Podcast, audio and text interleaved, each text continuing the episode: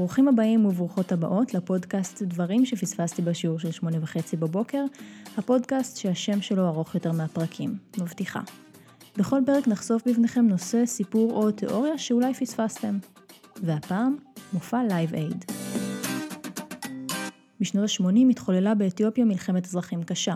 הממשלה נלחמה נגד קבוצות מורדים והובילה למחסור קשה במזון. יחד עם הבצורת הקשה ששררה במדינה, נוצר מצב בו מיליוני אזרחים חיים ברעב כבד. התקשורת נשלטה על ידי המדינה באותה התקופה, ובשיאם של הבצורת והרעב ב-1984, השליטה באה לידי ביטוי בצנזורה של החדשות ומניעה מעיתונאים להגיע לאזורי הרעב במדינה, וזאת כדי לא להסיח את דעת הקהל מחגיגות העשור למהפכה, בהן השקיעה הממשלה קרוב ל-100 מיליון דולר.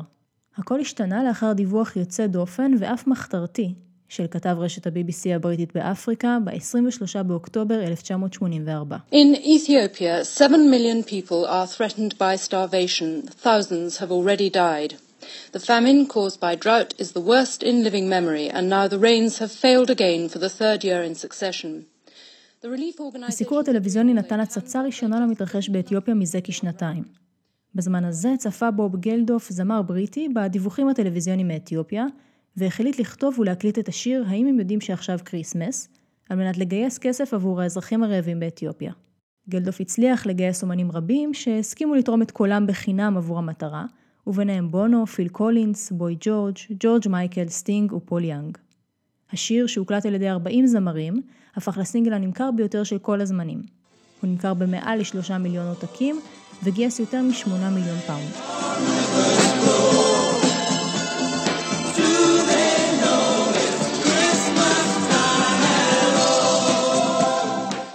לאחר שגלדוף ביקר בעצמו באתיופיה בתחילת 1985, הוא החליט לקחת את הנושא צעד אחד קדימה ולארגן את מופעי לייב אייד.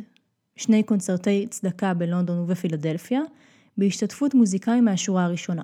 על הבמה בלונדון הופיעו מוזיקאים כמו אלוויס קוסטלו, סטינג ופיל קולינס, קווין, אלטון ג'ון ופול מקארטני, בעוד שאת ההופעה שהתקיימה בפילדלפיה הובילו קבוצת אומנים בשם ארצות הברית עבור אפריקה, שהוקמה בהשראת הקבוצה הבריטית לייב בנד.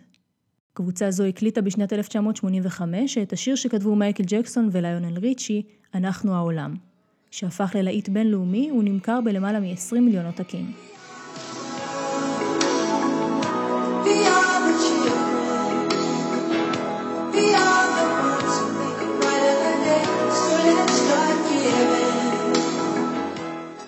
הקבוצה האמריקאית הכילה אומנים כמו ברוס ספרינגסטין, טינה טרנר, סינטי לאופר, בילי ג'ואל, בוב דילן ועוד. מלבד קבוצת האומנים האמריקאית, קמו קבוצות אומנים נוספות ברחבי העולם, במטרה לגייס כספים למען אפריקה ואתיופיה בפרט. הקונצרטים במסגרת לייב אייד בני 16 השעות שודרו בטלוויזיה וברדיו ברחבי העולם.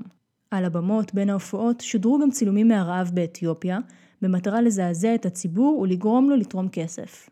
עם כמיליארד וחצי צופים ברחבי העולם, קונצרט לייב אייד גייס יותר מ-110 מיליון פאונד עבור הרעב באתיופיה. על אף שקדמו לגלדוף סלבריטאים שנרתמו למען מטרות הומניטריות, הוא היה הראשון שהצליח לגייס סלבריטאים למטרות גלובליות נרחבות, ובכך למשוך את תשומת הלב הבינלאומית לרעב והעוני המתרחש מעבר לים. כך נשמע גלדוף כשהתראיין בזמן המופע.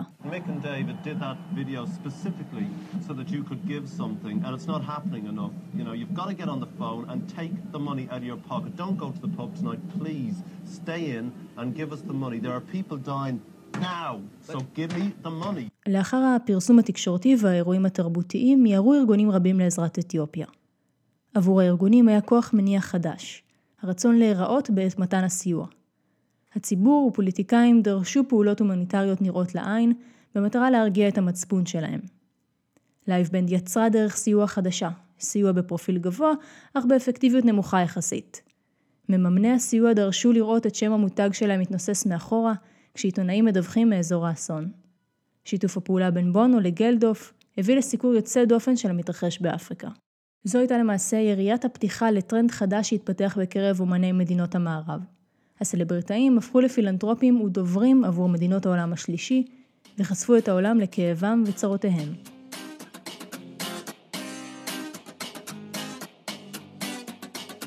אז זה היה עוד פרק של דברים שפספסתי בשיעור של שמונה וחצי בבוקר. מקווה שלמדתם משהו חדש. נשמח לקבל רעיונות והצעות לפרקים הבאים, כי די בטוח שיש דברים שאנחנו פספסנו ואתם לא. אני מיכל פורת, נתראה בפרק הבא.